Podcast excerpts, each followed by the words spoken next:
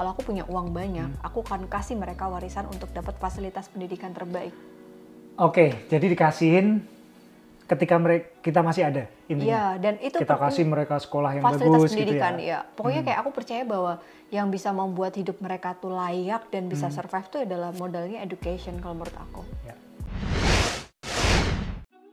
Assalamualaikum. Halo semuanya. Hai, kopi panas kali ini kita bakalan ngebahas tentang sesuatu yang bakalan seru. Soal apa? Soal- money, money, rich, rich, dollar, dollar. Kata Nasya gitu ya.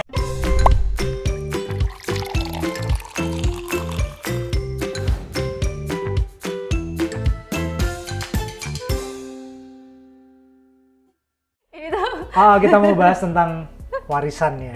Ya, gara-gara belakangan ini tuh ada satu video yang cukup ngeviral nih mas dari seorang eh, mantan NBA player. Sebenarnya bukan video sih itu.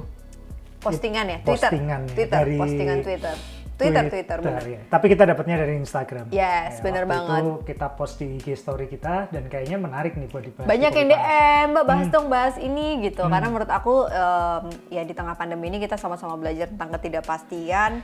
Iya. Dan kopi panas tuh biasanya kan identik dengan keluarga, parenting. Kita coba nyambungin ke sana gitu ya. Ya. Oke. Terus kita mau mulai bahas dari mana nih? Nah ini kalau teman-teman bakalan eh, kepo siapa sih pemain mantan pemain eh, NBA yang ini mungkin terkenal dengan nama Shaq yaitu adalah Shaquille O'Neal. Nah. Wah, bener nggak nih ngucapinnya? Jadi itu post kemarin yang kita post itu postingan tentang apa ya prinsip Mhm. ngomong. prinsip hidup lah. buat ya dia ngomong satu statement yang menurut aku menarik dia Iya. ngasih tahu ke anaknya bahwa we Eh bentar, kamu tahu nggak Shaq gitu. itu siapa? Nggak tahu kan? Iya pemain NBA kan? Iya. Tadi sudah aku sebut. Iya, tahu nggak tapi pernah Tahu lihat lah, kemarin kan ada di postingan kamu. Taunya habis pensiun dia malah. Jadi Oke oke dulu nggak pernah tahu karena memang bukan pecinta basket gitu Iya. kan. Cuma Kalau dulu aku sih basket loh. Sebagai atlet basket sejati tahu banget. Loh kan aku yang ikut Oh, gitu ya? basket dulu, ngelompatin pemain yang lain. Ah. Jadi gini teman-teman, si Shaq ini tuh pernah eh, satu statement yang cukup ngeviral di Twitternya. Dia Hmm. bilang ke anaknya kalau we ain't rich. Yang kaya tuh bukan lu, bukan kita, tapi I'm rich. Jadi kayak Ya. Jadi kekayaannya tuh punya dia sendiri. Tadi kan kita udah ngomong nih, kita mau ngomongin tentang warisan walaupun warisan yang kita bahas tuh nggak melulu tentang materi ya Iya. Hari ini. Tapi sebenarnya ya Hmm. dari statementnya si uh, Shaq ini tuh menurut aku tuh unik gitu karena kebanyakan ya terutama di kultur Indonesia ya mas kayak orang tuh Hmm. Kalau ketika punya kerja duit banyak, pokoknya demi anak. nah buat anak, biar anaknya dari usia muda udah hidup dengan layak lah. dapat gitu. warisan gitu kan. Jadi aku bakalan coba pengen ngebahas di kopi panas kali ini Hmm. adalah tentang sebenarnya kultur memberikan warisan uang terutama pada anak itu Hmm. sebenarnya kayak konsep yang gimana sih gitu. Ya. Kalau menurut kamu sendiri nih Mas, kalau kita lihat Hmm. ngomongin soal uang nih ya. Hmm. Kalau aku rasa tuh kan perlu ada penanaman value pada anak. Ya. Kayak sekarang aja Nasya tuh udah ngerti tentang uang. Money money rich rich. Jadi dia itu kayak kemarin kita kasih duit dia taruh di dompet terus kayak Hmm. Beda ya sama Rafa ya. beda sama Rafa gitu. Rafa tuh ada duit di dompetnya tuh dikasihin ke aku semua. Ya. Kayak papanya kan, kasihin ke istrinya semua. Hmm, cerah. nah ngomongin soal uh, val- ngasih value pada anak gitu. Kalau kamu sendiri Hmm. kita tanggepin dulu si chef ini. Menurut kamu gimana tuh? Eh, yang pasti gini sih kalau menurutku orang eh, nggak ada eh, patokan ilmu untuk melakukan hal itu yang sempurna pasti. Mhm. Jadi masing-masing orang tua, masing-masing keluarga pasti punya eh, dasar pemikiran dan penerapannya itu eh, menurut mereka mana yang terbaik, mereka ta- mereka tahu mana yang terbaik gitu. Hmm. Jadi bisa jadi bahkan untuk satu anak dan anak yang lain mungkin bisa berbeda treatmentnya.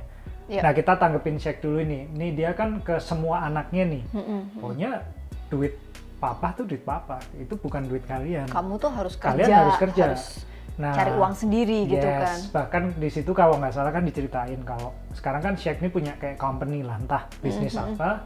Kalian kalau mau dapat duit ini ya kalian kerja di company ini atau kalian share modal di company ini. Jadi nggak nggak gitu aja dapat uang itu gitu loh, dapat kekayaan itu. Nah kebanyakan kalau Hmm. aku lihat nih ya, uh, terutama sebenarnya ya kultur Asia dan lain sebagainya sih. Ya. Sebenarnya kayak orang tua itu kalau ditanya ya kayak orang tua kita sendiri nih gitu, hmm. pasti selalu mikirin nanti ini buat kalian, Terus Terutama padahal orang Jawa nggak sih kayak gitu? Iya, iya tadi Asia juga sih Iya, kalau aku lihat orang ya. Jawa apalagi gitu Hmm. kan.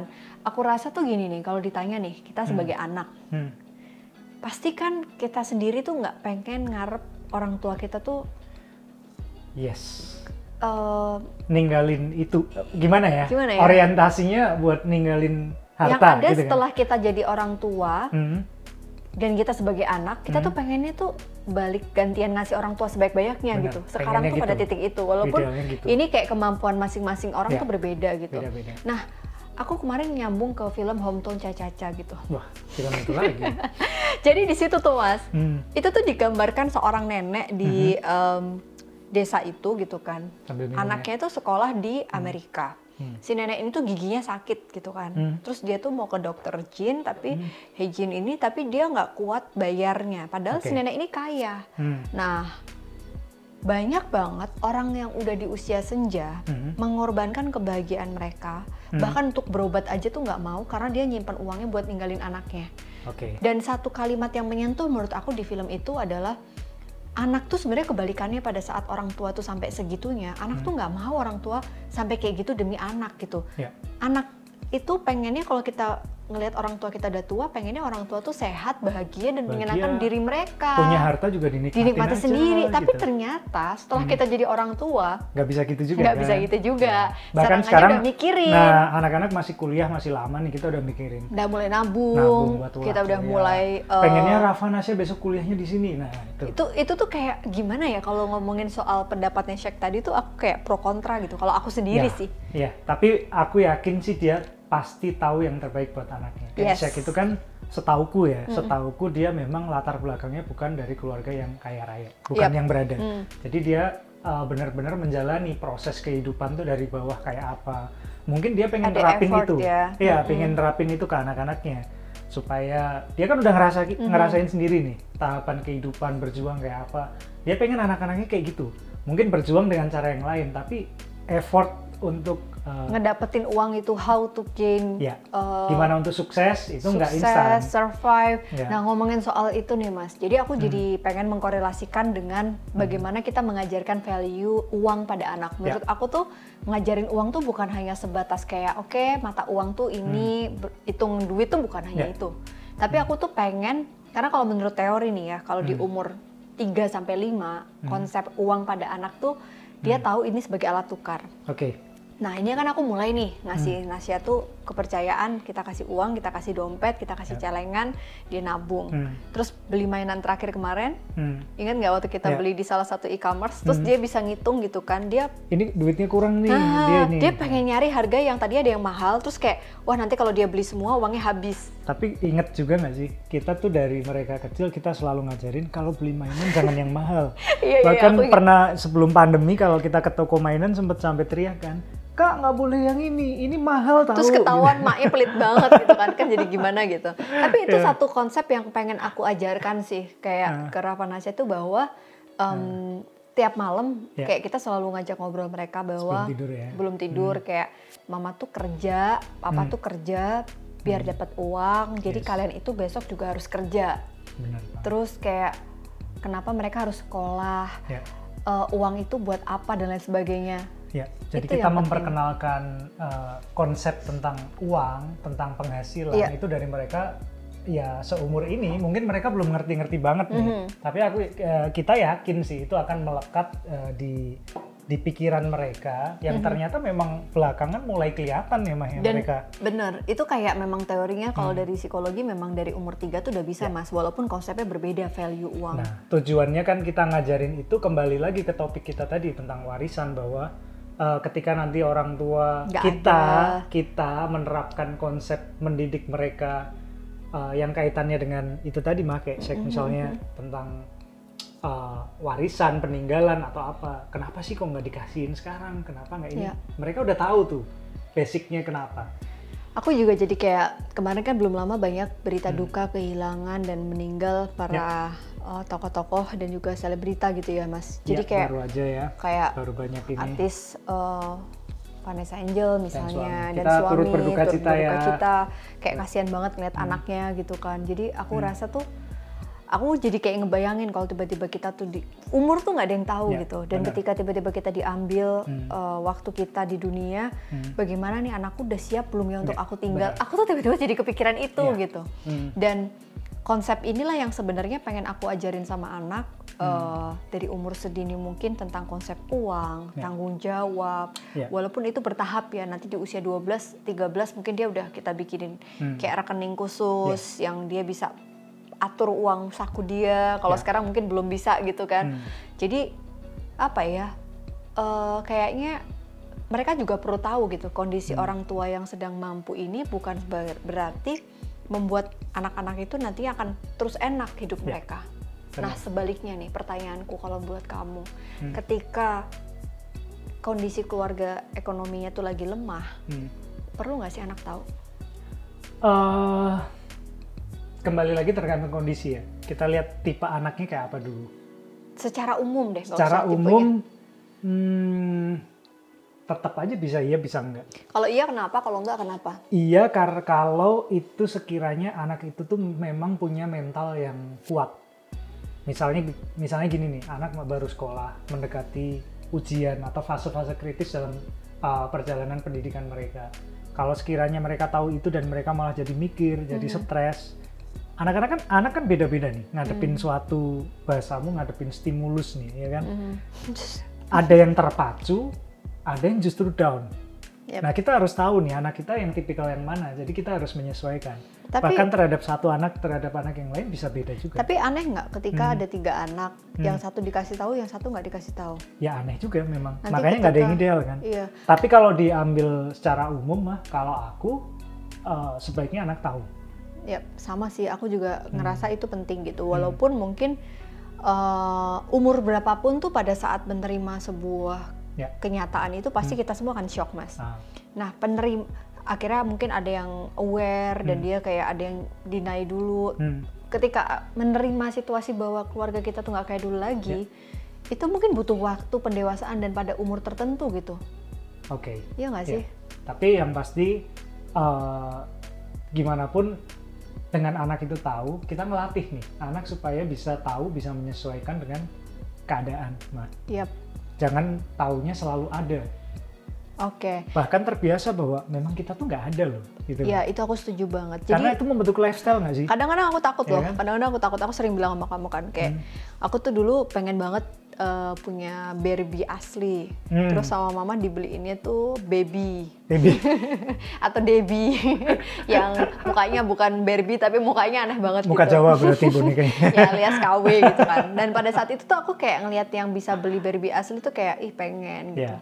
Nah sekarang pada saat kita dikasih kemampuan finansial yang Alhamdulillah cukup alhamdulillah lah. cukup, akhirnya aku Hmm. beliin yang dulu aku jadi kayak Balas dendam ya.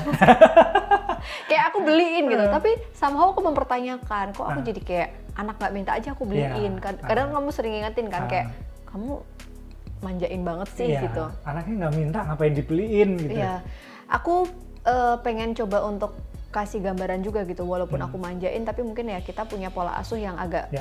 em, apa ya teman-teman, nggak tahu sih ini bener apa enggak.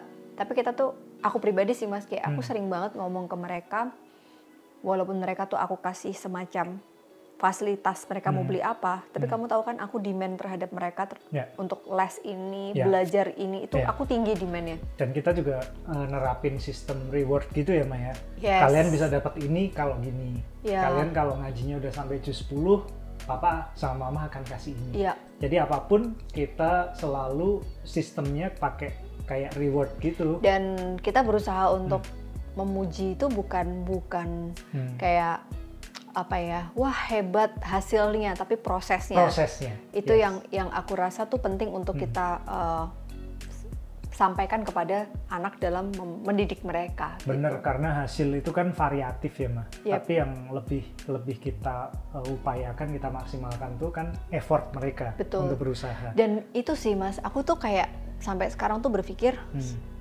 misalnya ada pilihan Hmm. mewariskan harta atau yang lain Itu aku baru mau nanya. Hmm. Kamu kalau boleh milih nih, Hmm.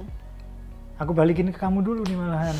curang kalau kamu ad, misalkan Yap. nggak usah kayak sek lah, artinya dia ke, uh, kita punya harta yang cukup lah untuk ini. kita kasih ke anak. Kalian mau nerapin gimana sih? Apa sih yang mau kamu tinggalin? Legacy apa yang mau kamu, kamu kasih ke anak-anak? Sebenarnya belum kebayang ya, tapi Ah. ngelihat banyaknya berita duka yang mendadak Hmm. itu tuh aku jadi kayak ya nggak ngarep pengennya Hmm. umur kita panjang, membersamai tumbuh kembang Hmm. mereka. Tapi eh, kalau aku pribadi bukan uang, tapi tentang nilai dalam Value. kehidupan. Iya, kayak tentang yang aku pengen wariskan adalah hmm, jadi terharu. Mereka melihat sosok mamanya yang kerja keras, melihat sosok mamanya yang penyayang, papahnya? enggak ngelihat sosok mamanya yang bagus-bagus gitu jadi Oke. kayak contohnya misalnya Hmm. eh, mereka tuh ngelihat gitu gimana aku sebagai role model gitu kan pengennya kita sebagai role model itu di- di- ditiru sama mereka Ya. kayak aku selalu bilang Hmm. "Eh, besok kakak sama dedek sekolah terus nanti umur ini habis oh, oke go to college terus kayak nanti ngambil master itu tuh dari umur segini kan kita udah bilang Ya, kita Jadi- udah kasih gambaran ya. Kalian besok gini, gini, gini, gini, gini tahapannya secara garis besar kita udah kasih gambaran. Iya, kan jadi ya. kalau antara uang, uang tuh bukan satu-satunya, tapi Ya. nilai kehidupan dan yang kedua adalah kalau aku punya uang banyak, Hmm. aku akan kasih mereka warisan untuk dapat fasilitas pendidikan terbaik. Oke, jadi dikasihin ketika mereka kita masih ada intinya. Iya, dan itu kita kasih mereka sekolah yang fasilitas bagus pendidikan, gitu ya. iya. Pokoknya kayak aku percaya bahwa yang bisa membuat hidup mereka tuh layak dan bisa Hmm. survive tuh adalah modalnya education kalau menurut aku. Ya. Dan nggak kalah penting, mereka juga harus dipersiapkan untuk siap dan mau menempuh fasilitas pendidikan yang terbaik itu. Iya, jadi kan? kayak value dan semangat belajarnya, Nah, kecintaannya untuk iya. menuntut ilmu tuh harus dari sejak dini gitu. Bener banget. Kalau aku sih Kalau garis besar sama ya. Jadi ibarat kata kalau aku pengen ninggalin anak itu bukan ninggalin harta, tapi ninggalin pancingnya nih. Hmm, Jadi toolsnya supaya dapetin ikannya, supaya dapetin penghasilan itu itu yang pengen aku tinggalin. iya. Satu itu, yang kedua juga masalah quality time, mah. Aku nggak Ya. akan lupain itu Waktu ya. waktu. Itulah kenapa uh, setiap mereka sekolah, berangkat sekolah, pulang sekolah, kita tuh kan selalu berusaha sebisa mungkin kita yang nganter. Tidur sama kita, bangun tidur kita yang bangunin. Kalau pas kita bangunnya pagi. Kadang-kadang duluan mereka. nah, itu lebih kayak ngasih mereka tuh tentang anu ya, quality time bahwa aku tuh pengen dikenang kita tuh sebagai orang tua yang selalu ada buat mereka. yang penyayang, yang yang apa ya bisa Yang harus ada, selalu ada selalu hadir. gitu untuk mereka. Hadir walaupun nggak selalu fisik ya, tapi ada. Betul. Dan aku paling takut ketika uh, suatu saat anak-anak tuh kayak ngucap, "Eh, papa tuh kayak apa sih? Papa tuh semasa hidupnya Galak. orang yang sibuk, orang yang galak. Itu kayaknya sedih punya banget waktu gitu gitu ya. Oh, Ah, jadi terharu. Ya kan? Ya, aku jadi sa- Ya, ah, gimana? sorry tak potong. Jadi nggak semua orang punya privilege untuk bisa kayak gitu mah. Nah, itu yang aku mau omongin. Tapi aku bilang tadi bahwa kedekatan waktu itu tidak selalu tentang fisik. Mungkin kalau menurut aku legacy sih, Mas. Jadi Ya. ini eh, untuk menjawab kegalauan bapak-bapak yang kerja di luar pulau, Yes. luar negeri, luar kota, ibu-ibu yang sering ninggal karena nggak semuanya punya privilege untuk selalu ada 24 jam gitu ya Ya. sama anaknya. Hmm. Legacy itu apa sih? Jadi kayak bekerjalah dengan baik, Hmm. berkah, hindari hal-hal yang berbau konflik dan mencemarkan nama baik. Ya. Karena anak kita tuh akan mendapatkan warisan itu juga loh tentang siapa ayahnya dan apa yang Benar. dikerjakannya. Benar Jadi banget. aku tuh punya cerita temen yang eh, bapaknya dulu tuh kayak pernah tersandung kasus gitu kan. Hmm. Nah pada saat bapaknya udah nggak ada, itu kayak nggak enak banget jadi anaknya. Ih itu kan anaknya si Pak ini yang dulu kesandung kasus Iya. ini. Itu tuh legacy yang Benar, menurut benar, aku benar. paling mahal harganya dibandingkan Hmm. dengan cuan gitu. Ya. Jadi intinya kan uh, kembali lagi bahwa peninggalan warisan kita terhadap anak itu kalau menurut kita bukan melulu tentang materi. Iya, Materi itu penting, pasti, pasti penting. Tapi ada yang jauh lebih penting menurut kita bahwa satu adalah value menurutmu Yap. tadi kan. Yang kedua kalau dari aku ada tambahan tentang quality time terhadap anak sehingga kita dikenang sebagai orang tua yang memang selalu Hadir. ada hadir buat mereka. Nah yang ketiga kamu tadi kasih tambahan legacy. Jadi nama baik orang tua. Nah dari ketiga ini kayaknya sih uh, insya Allah ya Ma walaupun uh, seorang orang tua itu tidak meninggalkan aset, dalam harta. bentuk aset harta insya Allah dengan ketiga peninggalan ini anak-anak kita insya Allah bisa survive survive, bisa jadi orang yang apa mah bahasa? Fight yang resilient. Sukses lah pokoknya. Yang yang resilient itu yang tangguh Iya. gitu. Karena itu yang paling penting terutama di tengah situasi pandemi Iya. yang nggak pasti ini. Dan kembali lagi sukses itu tidak juga selalu melulu tentang materi. Walaupun dengan Iya. materi kita bisa mensukseskan mimpi-mimpi kita. Kalau kita mengeluarkannya dengan bijak. Wah jadi kompleks nih Iya bener kan loh nggak menutup kemungkinan kita uang bukan segala-galanya tapi segala-galanya butuh uang jadi Iya. gunakanlah uang itu dengan sebuah uh, mindset yang Ya. wise Hmm. yang bijak sehingga uang itu punya nilai yang uh, Ya. bermanfaat untuk orang-orang di sekitar kita Oke, Oke, closing sudah, nih kalau kamu punya duit Mhm. Shaq itu di artikel itu punya duit berapa sih ceritain 4 billion ya 4 Ya, billion bayangin dollar ya tuh. kayaknya Mhm. kalau nggak salah kamu apain tuh duit itu sampai nggak kebayang. Bikin masjid. Bikin masjid tabungan pasti. di akhirat ya. Oke. bikin foundation. Yang kaitannya sama anak-anak? Em, aku akan sekolahin mereka sampai mentok sampai S4 S5 gitu ya. Sampai ya mereka mau sekolah di mana pun ayo gitu. Mau Ya. kursus apa ayo gitu. Terus habis itu once intinya kalau mereka minta barang kita nggak akan nggak kasih akan kasih. tapi kalau Ya. pendidikan, akan Pendidikan kita pasti. kasih. Itu kalau aku. Ya barang yang selayaknya lah yang ya nggak terus yang susah-susah banget nggak Hmm. dikasih sampai eh, sepatunya sobek nggak dibeliin gitu kan. Kayaknya juga kebangetan. Iya. kalau kamu? Ah, sama sih pada intinya dan aku nggak akan kasihkan kasihin ke mereka dalam bentuk apa adanya uang gitu ya atau kalau mungkin kalau aku akan kasih satu company lah artinya tempat buat mereka berkreasi itu buat Shaq sama belajar sekali nggak mau ya kayaknya nggak Wow, itu stres juga jadi anaknya ya. Bokap gue kaya, tapi tapi memang itu pilihan, gitu. Pilihan. Dan aku yakin dia punya value yang pastinya uh, terbaik Ya. untuk anaknya. Dan nggak ada yang salah dan nggak ada yang Ya. benar. Oke, jadi yang terbaik buat keluarga kalian, buat anak-anak kalian, sebenarnya kalian sendiri yang tahu, Mhm. dan kita juga apa yang kita sampaikan juga tentunya nggak sempurna, pasti ada kurangnya, nggak bisa diterapin ke semua keluarga juga. Yes, bener banget. Nah ini aku barusan diingetin kalau Hmm. em, teman-teman banyak yang tanya gitu kan tentang apa sih pola asuh yang kita terapin dan itu kan kita baca-baca juga ya, dari DM. Hmm. Kalian bisa langsung aja masukin di komen di Yes. video ini ya Hmm. atau bisa langsung follow Instagramnya Bapak Muhammad Aji atau analisa.wideningrum Ya. atau di APDC Indonesia karena kita bakalan uh, bacain terus kita angkat sebagai tema untuk obrolan kita di Kopi Panas maupun di segmen Alisa Channel lainnya. Benar, kasih ide sebanyak-banyaknya buat kita. Yes, semoga bermanfaat teman-teman. Hmm. Sukses uh, buat yang lagi belajar jadi orang tua, walaupun anaknya masih bayi, ternyata value-value dari orang tua lain itu bisa menjadi satu nilai yang berarti. Ya. Sampai jumpa di episode Kopi Panas berikutnya. Bye-bye, Bye. Assalamualaikum. Assalamualaikum. Minum kopi dulu. Tos dulu.